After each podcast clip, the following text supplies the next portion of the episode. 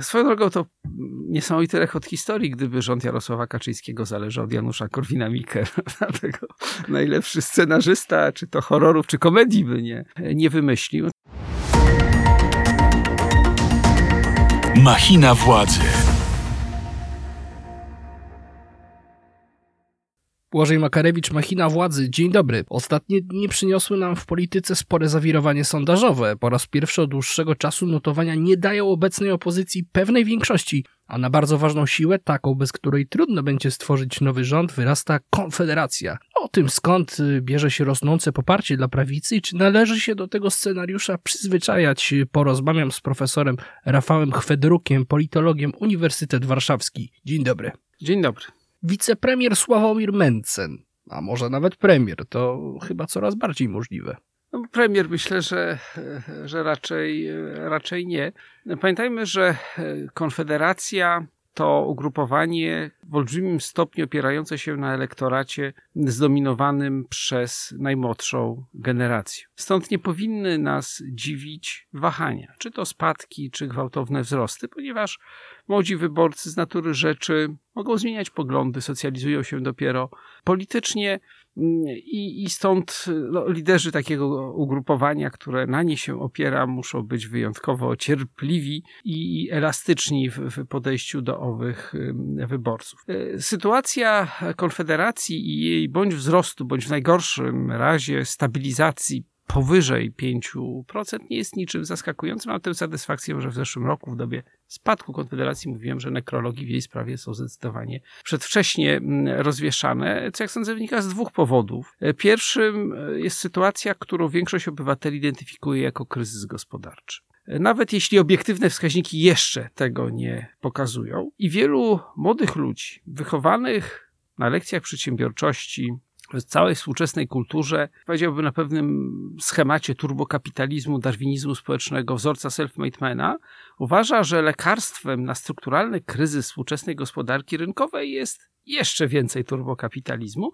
No a tu chyba nie ma nikogo wiarygodniejszego niż Janusz Korwin-Mikke. I, i, I stąd y, co najmniej połowa wyborców Konfederacji to są wyborcy raczej libertariańscy niż stricte prawicowi. No jest drugi czynnik, o którym w Polsce nie chcemy albo boimy się publicznie mówić, a to jest zupełnie oczywisty i pojawia się w zasadzie niemal wszędzie w Europie. Jest to kwestia stosunków polsko-ukraińskich gdzie wszelkie napięcia są albo ukrywane, albo w różny sposób y, tonowane w, w, debacie publicznej. Te napięcia dotyczą i kwestii produkcji e, rolnej i obecności e, pochodzącego z Ukrainy zboża w Polsce. I na rynku transportowym, gdzie paradoksalnie sama Ukraina wszczęła konflikt z Polską tuż przed wybuchem e, wojny z e, Rosją. No oczywiście na niwie polityki historycznej powiedziałbym, że, że polska dyplomacja co chwila dostaje mocny cios prawym prostym e, ze strony Ukrainy. Wreszcie także na tle migracyjnym. No, zawsze przy takiej ilości osób z innego państwa na, na, na obszarze sąsiedniego. A kwestia COVID-19 odgrywa jeszcze jakąś rolę?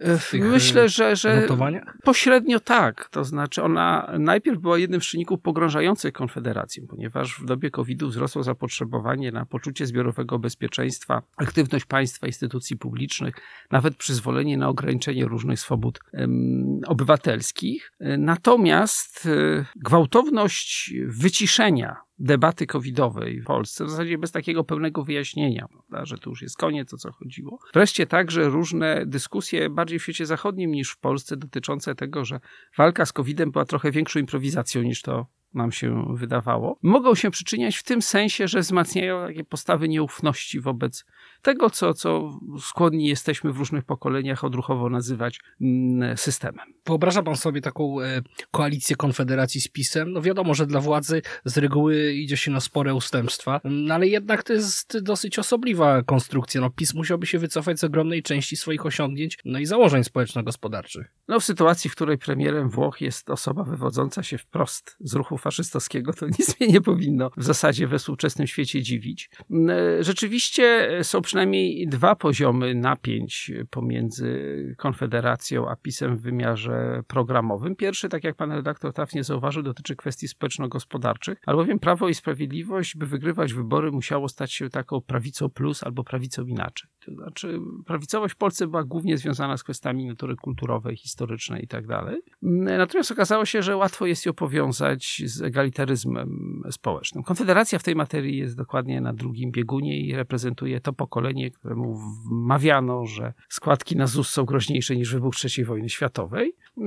I to także w wymiarze praktycznym miałoby swoje konsekwencje. Znaczy, trudno znaleźć prosty związek interesów pomiędzy mówiąc to symbolicznie, emerytowanym byłym rolnikiem z Podłańcuta w Rzeszowskim i dwudziestolatkiem z średniego czy dużego miasta. Drugi poziom dotyczy oczywiście kwestii stosunków międzynarodowych. Prawo i Sprawiedliwość, dużo mówiące o wstawaniu z kolan i tak dalej, okazało się być po prostu partią amerykańską w tym sensie, że najbliższą w wiązaniu Polski ze Stanami Zjednoczonymi, nawet jeśli obecna ekipa rządząca Stanami Zjednoczonymi jest biegunowo odległa od prawa i sprawiedliwości we wszystkim z wyjątkiem jednego tematu Rosji. Konfederacja bardziej należała do, mm, do partii o charakterze suwerenistycznym, mm, które w większym stopniu chciały tak wobec Stanów Zjednoczonych, ale także wobec, wobec Unii Europejskiej prowadzić trochę inną politykę. Pytanie oczywiście, jak to można byłoby powiązać z liberalizmem ekonomicznym. To, to pewnie byłoby takim wewnętrznym napięciem w, w, w Konfederacji, ale myślę, że, że, że, że to jest taki drugi element, w którym poza powierzchownym konsensem trudno byłoby wypracować. To już jest coś, bardzo dużo. E, to jest, to jest bardzo dużo, natomiast taki rząd e, zetknąłby się od razu z problemem międzynarodowym. Prawo i Sprawiedliwość rządzące de facto samo miało olbrzymie problemy z legitymizacją w przestrzeni międzynarodowej, nawet wśród prawicy. Stąd sojusznicy albo powiedziałbym, kompletnie absurdalni, jak brytyjscy turyści, którzy okazali się wyjątkowo mało przyszłościowym na gruncie Unii Europejskiej partnerem, no albo e, niezwykle ryzykowni e, symbolicznie, jak, jak ultraprawica hiszpańska w stylu Voxu, czy, czy, czy francuska w stylu dawnego Frontu Narodowego, tudzież e, partnerzy, którzy będąc suwerenistyczni, niekoniecznie podzielali aspiracje Prawa i Sprawiedliwości do wiązania się ze Stanami Zjednoczonymi a już zwłaszcza z demokratami bezdyskusyjnie jak Viktor, jak Viktor Orban. Więc można się domyśleć, że całe spektrum lewicowe, liberalne, zielone, ale także olbrzymia część europejskiej e, chadecji od początku wobec e, takiego polskiego rządu stosowałoby bardzo daleko idące restrykcje, ponieważ to, co zarzucano PiSowi, a co niekoniecznie potwierdzała praktyka, związane no powiedzmy ze związkami ze skrajną prawicą, w tym momencie zostałoby zmaterializowane. Janusz Korwin-Mikke zapowiedział w jednym z wywiadów, że na pewno takim warunkiem sine qua non w tworzeniu ewentualnej koalicji będzie, cytuję, likwidacja socjalizmu. Ambitny plan. Swoją drogą to niesamowity rechot historii, gdyby rząd Jarosława Kaczyńskiego zależał od Janusza Korwina-Mikke. Dlatego najlepszy scenarzysta, czy to horrorów, czy komedii by nie, nie wymyślił. Znaczy z całą pewnością Konfederacja, gdyby od niej miało coś zależeć w przyszłym Sejmie, to jako partia moda aspirująca, czy formacja moda aspirująca, ucząca się polityki, wystawiłaby bardzo słony rachunek każdemu politycznemu partnerowi. Bardzo trudny do, do zapłaty i czyniący z tego partnera na swój sposób zakładnika E, Konfederacji. No, co Janusz Korwin-Mikke e, rozumie przez socjalizm, to można głęboko... On rozszerzył tę wypowiedź, powiedział, że chodzi mu dokładnie o służbę zdrowia i edukację. W edukacji wprowadzenie bonów edukacyjnych, no, a w przypadku służby zdrowia daleko idąca prywatyzacja. E, no, każdy, kto w Polsce zrobiłby jedno i drugie, musiałby się pożegnać z władzą w trybie natychmiastowym, jeśli chodzi o, mm, o służbę zdrowia. Mamy i tak jedną z najbardziej skomercjalizowanych służb w, w, w państwach świata zachodniego odpłatność jest w Polsce odrzucana w jakiejkolwiek postaci. Świetne jest tutaj doświadczenie Czech w tej materii, kiedy niegdyś liberalno-konserwatywne rządy wprowadziły taką niewielką odpłatność, dosłownie kilkuzłotową za wizytę u lekarzy, zostały po prostu zmiecione z powierzchni ziemi e, przez socjaldemokratów i komunistów w, w, w kolejnych wyborach. Myślę, że w Polsce to zwłaszcza w dobie napięć kryzysowych, e, nie przeszłoby, a już z całą pewnością elektorat PiSu byłby natychmiastową zbiorową, zbiorową ofiarą w tej materii. Natomiast jeśli chodzi o system edukacyjny, no tam, gdzie wprowadzono na świecie bony, niestety nie poprawiło to funkcjonowania e, edukacji. No Szwedzi, jeden z najlepszych na świecie modeli edukacyjnych, zdewastowali sobie tego typu reformami. Byłyby to reformy leżące w interesie wąskiej grupy najzamożniejszych obywateli. Wprowadziłyby niewyobrażalny wręcz chaos do funkcjonowania systemu edukacyjnego. Spowodowałyby to, co już było z polskiej edukacji w czasie rządów Platformy, czy służby zdrowia w czasie rządów AWS-u. To znaczy konkurencję pomiędzy podmiotami o ucznia czy pacjenta. Konkurencja ucznia kończyła się tym, że obniżano po prostu e, wymogi, żeby mieć przy sobie jak najwięcej pieniędzy, no w tym przypadku jak najwięcej E, jak najwięcej bonów, więc PiS musiałby popełnić polityczne samobójstwo, gdyby na coś takiego się, e, się zgodził, więc, więc zapewne, jak sądzę, Janusz Korwin-Mikke wie dokładnie, co, e, co mówi i manifestuje w ten sposób. Może nie tyle tak naprawdę realne, ostateczne warunki brzegowe, co, co raczej to, że sojusz z Konfederacją będzie sojuszem, w którym zyskuje się jedno polityczne przetrwanie, natomiast płaci się za to codziennie. Słuchasz podcastu Radia Z. Przetrwanie być może na bardzo krótko. Sytuacja, w której e, pojawi się w Polsce nowy powyborczy rząd, będzie sytuacją specyficzną. Nawet jeśli być może początek tego rządu zbiegnie się na przykład z pokojem na Ukrainie i uruchomieniem rynków światowych, to ostatnie nie tylko lata, ale także ostatnie dni no, pokazują kryzys światowej gospodarki e, rynkowej, to, że ona jest od 2008 roku w zasadzie trochę politycznie podtrzymywana przy życiu. Polska wzięła na siebie gigantyczne ciężary w ostatnich e, latach, ciężary, na które nas po prostu było nie stać i konsekwencje tego najzwyczajniej w świecie będą się nie, nie myślę tu nawet o 500 plus czy czymś takim, bo to powiedzmy, że miało walor e, napędzający koniunkturę e, gospodarczą, ale choćby zapowiedzi dotyczące rewolucji energetycznej budowania kilku elektrowni atomowych, gigantycznych zbrojeń, w większości bez, bez offsetowych, Pałac Saski na tle tego jawi się jako niewielki small business, prawda? Mm, to ograniczy możliwości ekonomiczne, ale także polityczne każdemu rządowi prowadzenia polityki. Jak gdyby ten rząd jeszcze miał być e, zakładnikiem niewielkiej, bardzo wyrazistej, radykalnej e, partii, to, to rzeczywiście e, dni jego istnienia chyba dość szybko byłyby policzone. Z kolei koalicja z takimi partiami demokratycznymi jak Platforma, Lewica, Polska 2050 no wiąże się też z głębokimi różnicami, chociażby w stosunku do Unii Europejskiej, czy kwestiami kulturowymi. Też jest trudna do wyobrażenia. Prawo i Sprawiedliwość czyniło bardzo wiele, żeby stać się partią podobną do Fidesu, w tym sensie, że zdolną do pozyskiwania poparcia, nawet tak jak w ostatnich wyborach na Węgrzech, ponad połowy głosujących. Te starania się nie udały, choćby dlatego, że Fidesz startował jako partia liberalna, mająca poparcie zamożnych zachodnich Węgier, bogatej Budy i schodził w dół struktury społecznej. Prawo i Sprawiedliwość miało dokładnie odwrotny problem. Musiało iść z dołu na górę, a to zawsze jest dużo trudniej także w życiu, w życiu politycznym.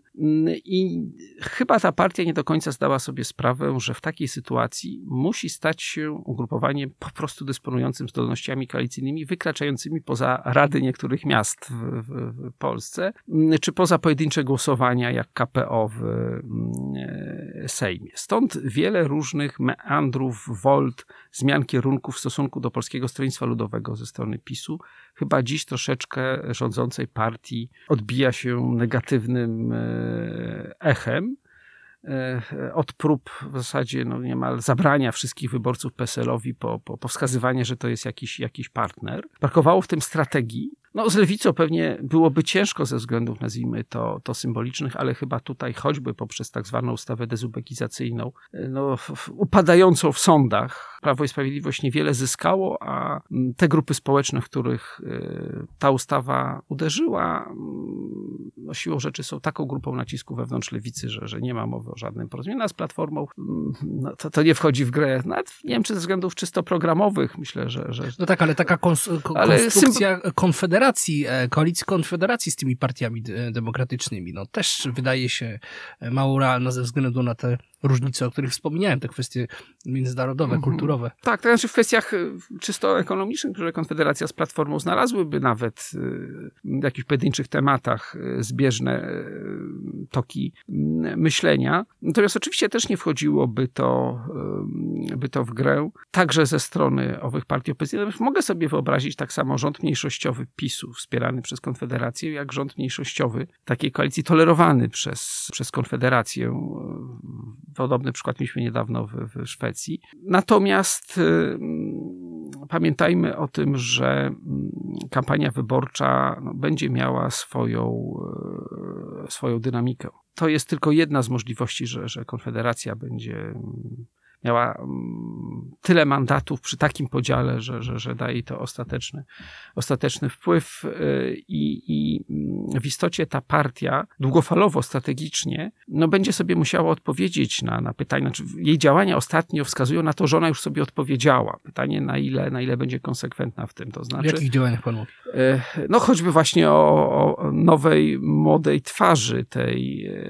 y, tej Mencen formacji. i Bosak. Tak, i eksponowaniu tematyki ekonomicznej. To znaczy, większość elektoratu Konfederacji, tak jak mówiłem wcześniej, nie mniej niż połowa, to są wyborcy libertariańscy, którzy uważają, że rugowanie instytucji publicznych e, i pozostawienie jak największej ilości pieniędzy obywatelowi, mm, wyzbytemu jednocześnie właśnie darmowej służby zdrowia, darmowej, darmowej edukacji e, i tak dalej, że to jakby ma być prawda, pewnym punktem odniesienia.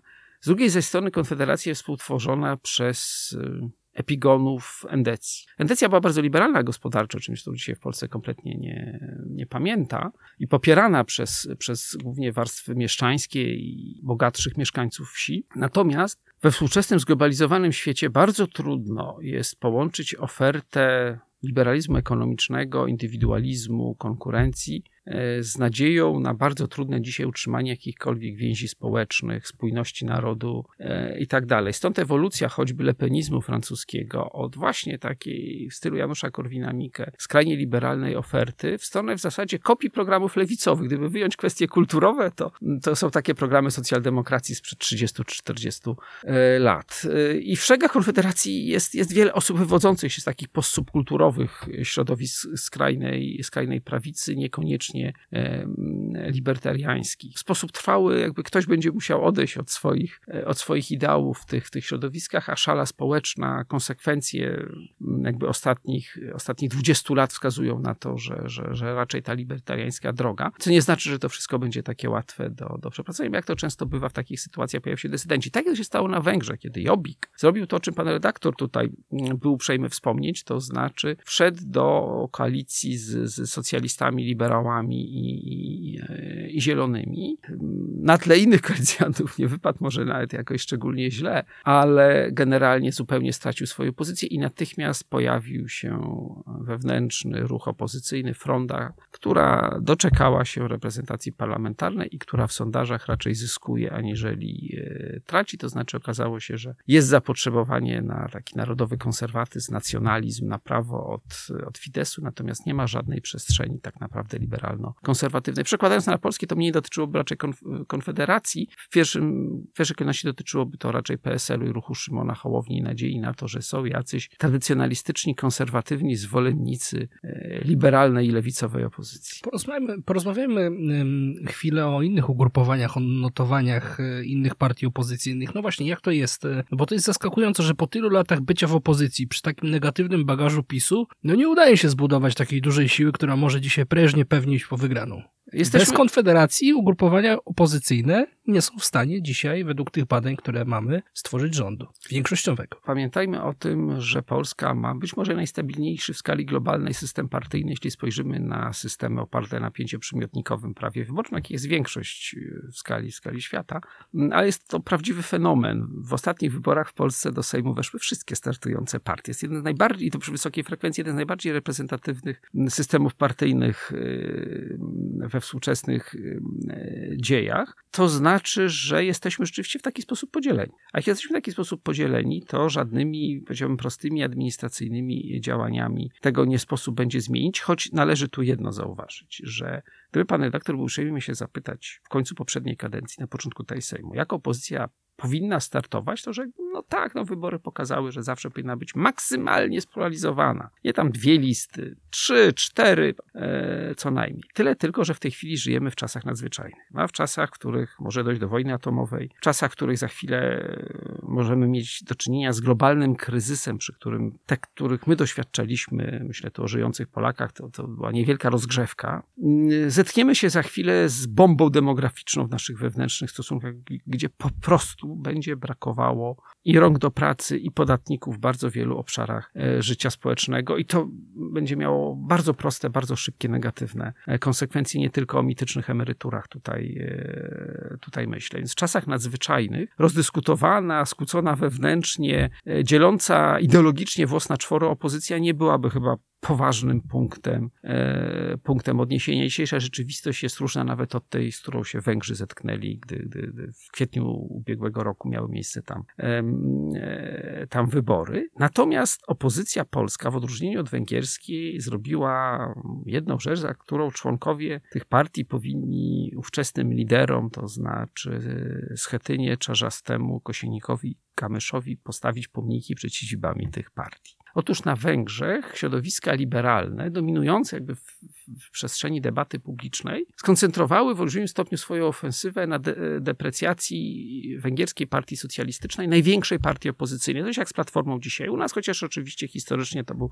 partia niezwykle podobna do Sojuszu Lewicy Demokratycznej. Skończyło się to tym, że MSP, Węgierska Partia Socjalistyczna, jest cieniem samej siebie, jest w przedziale od 5 do 10%, a największa w tej chwili z partii opozycyjnych nie przekracza 20% w sondażach. W Polsce liderzy tego nie zrobili, nie zdemontowali swoich partii, nie oddali się dyktatowi Komitetu Obrony Demokracji jako takiej swoistej pan partii, która będzie koncesjonować ugrupowanie opozycyjne. Gdzie dzisiaj byłaby opozycja, gdyby stała się jednym wielkim kodem, prawda? Byłaby zapewne powtórka z, z Budapesztu. A już wybory samorządowe, jakie się odbyły, pokazały, że, że, że Platforma przetrwała, straciła sporo, ale w dalszym ciągu jest absolutnym hegemonem, że SLD mimo obecności pozaparlamentarnej weszła do sejmiku województw, ponad milion głosów no co było wynikiem wręcz rewelacyjnym jak na ówczesne możliwości tej, tej partii. I ludowcy też, choć potracili swoje bastiony na, na, na, na, na Lubelszczyźnie czy, czy ziemi świętokrzyskiej w Sejmikach, to, to jednak w dalszym ciągu okazali się być takim podmiotem, e, który, który ma ogólnokrajowe mm, znaczenie i opozycja znalazła się w takiej oto sytuacji i mam wrażenie, że liderzy to rozumieli, znaczy, że nie ma perspektyw poszerzenia elektoratu. Trzeba czekać, aż obiektywne czynniki budujące potęgę PiSu przestaną działać.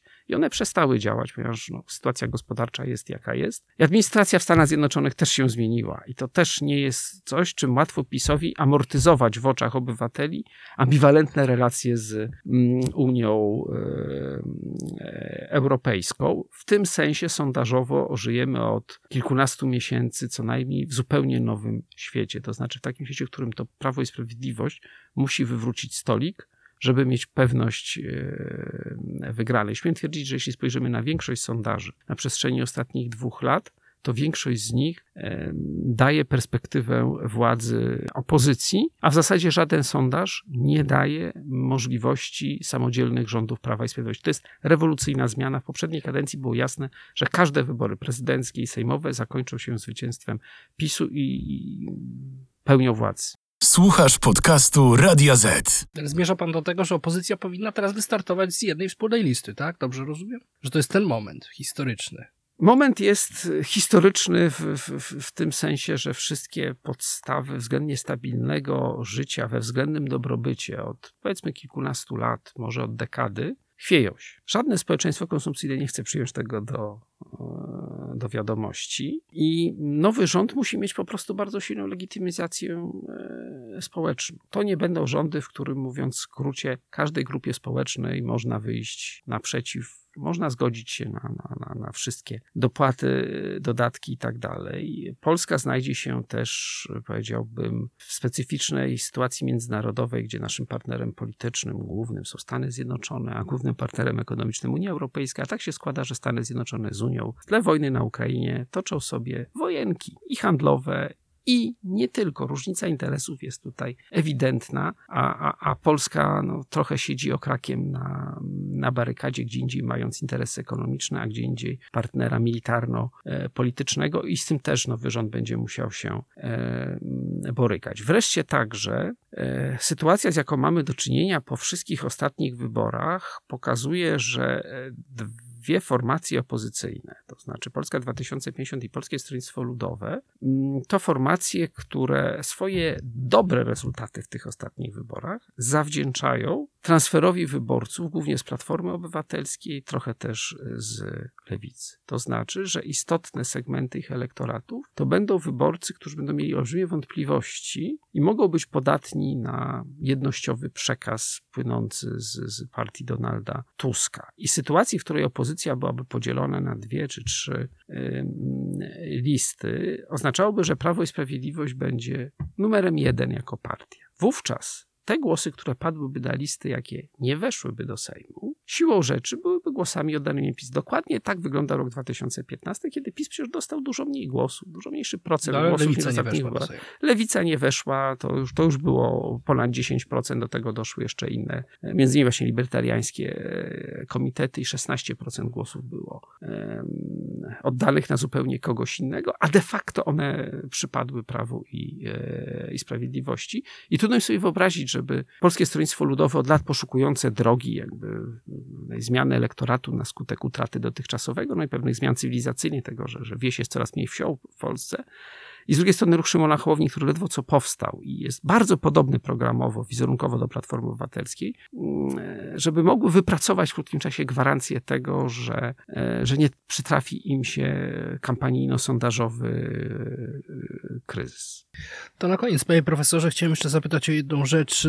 Profesor Antoni Dudek, który był moim gościem w Machinie Władzy kilka tygodni temu, przekonywał, że to mogą być ostatnie takie wybory dla PiSu, gdzie to mm, ugrupowanie będzie odgrywać e, rolę, bo elektorat tej partii starzeje się, wymiera, no i starzeje się też sam Jarosław Kaczyński. Oczywiście ży życząc prezesowi dużo zdrowia. No, w Japonii odbywają się mecze piłkarskie stulatków, natomiast... Yy Ostatnie wybory sejmowe przyniosły Prawo i Sprawiedliwości bezprecedensowy triumf przy bardzo wysokiej frekwencji, bardzo wysoki. Ale politycy tej partii nie mieli, powiedziałbym, e, szczególnie szczęśliwych min już wieczór wyborczy, ponieważ ten wieczór wyborczy widać było charakterystyczny trójkąt, jeśli spojrzymy na strukturę elektoratu PiS, znaczy odwrócony trójkąt, który im starszy segment elektoratu, tym wyższe poparcie dla Prawa i Sprawiedliwości. Nawet gdyby PiS nie popełniał żadnych błędów, gdyby nie było tych wszystkich problemów obiektywnych, zewnętrznych wobec państwa polskiego i polskiej gospodarki, to Prawo i Sprawiedliwość nie miałoby jak utrzymać tego poziomu poparcia. Oczywiście Prawo i Sprawiedliwość nie zniknie. To nie są czasy akcji wyborczej Solidarność, Zjednoczenia Chrześcijańsko-Narodowego i dziesiątek partii, których nas już dzisiaj nie pamięta, gdzie każdy poseł prawicy nie ma, nosił buławę marszałkowską w tornistrze i chciał być liderem własnej, e, własnej partii. Jakimś cudem, bo chyba tak to trzeba nazwać na tle historii Polski, także i przedwojennej prawicy, Jarosław Kaczyński e, ustabilizował sytuację i stworzył taką taką formację, więc ta formacja będzie dalej, natomiast pełna zgoda, że wyzbyta zdolności koalicyjnych ta formacja nie będzie e, zdolna pełnić tak dużej roli w polskim życiu publicznym, będzie z czasem w miarę utraty wyborców e, redukować się do swoistej, powiedziałbym, reprezentacji e, regionalnej. To znaczy będzie dominowała w tych ośrodkach, w których zawsze była silna, natomiast zacznie być wypierana z tych miejsc, w których udało się PiSowi w ciągu ostatniej dekady wejść to, to świetnie widać po przypadku np. Rumunii, gdzie podobną strukturę do PiSu miała Partia Socjaldemokratyczna. No, nawet 50% w ostatniej dekadzie dostać. Głosowały na nią biedne regiony Wołoszczyzny i zachodnie Mołdawii, czyli południe i wschód e, Rumunii. I ta partia dalej jest największą, współrządzi nawet w tej chwili.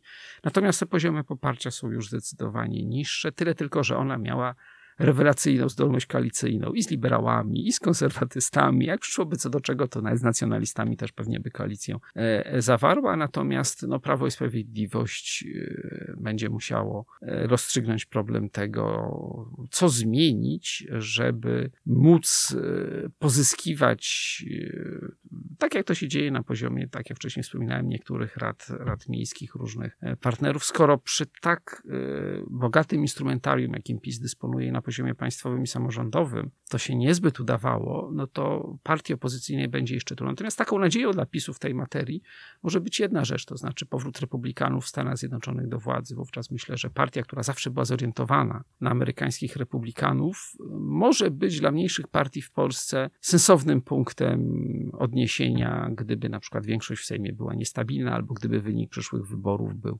e, nie mniej niepewny niż, niż teraz. Bardzo dziękuję za rozmowę. To był podcast Machina Władzy w Radio Z. Moim i Państwa gościem był profesor Rafał Chwedoruk, politolog, Uniwersytet Warszawski. Zachęcam do słuchania nas w playerze Radia Z, w serwisach streamingowych jak Spotify i na YouTube. W kolejnym odcinku spotka się z Wami Mikołaj Pietraszewski. Do usłyszenia. Machina władzy. Więcej podcastów na player radioz.pl.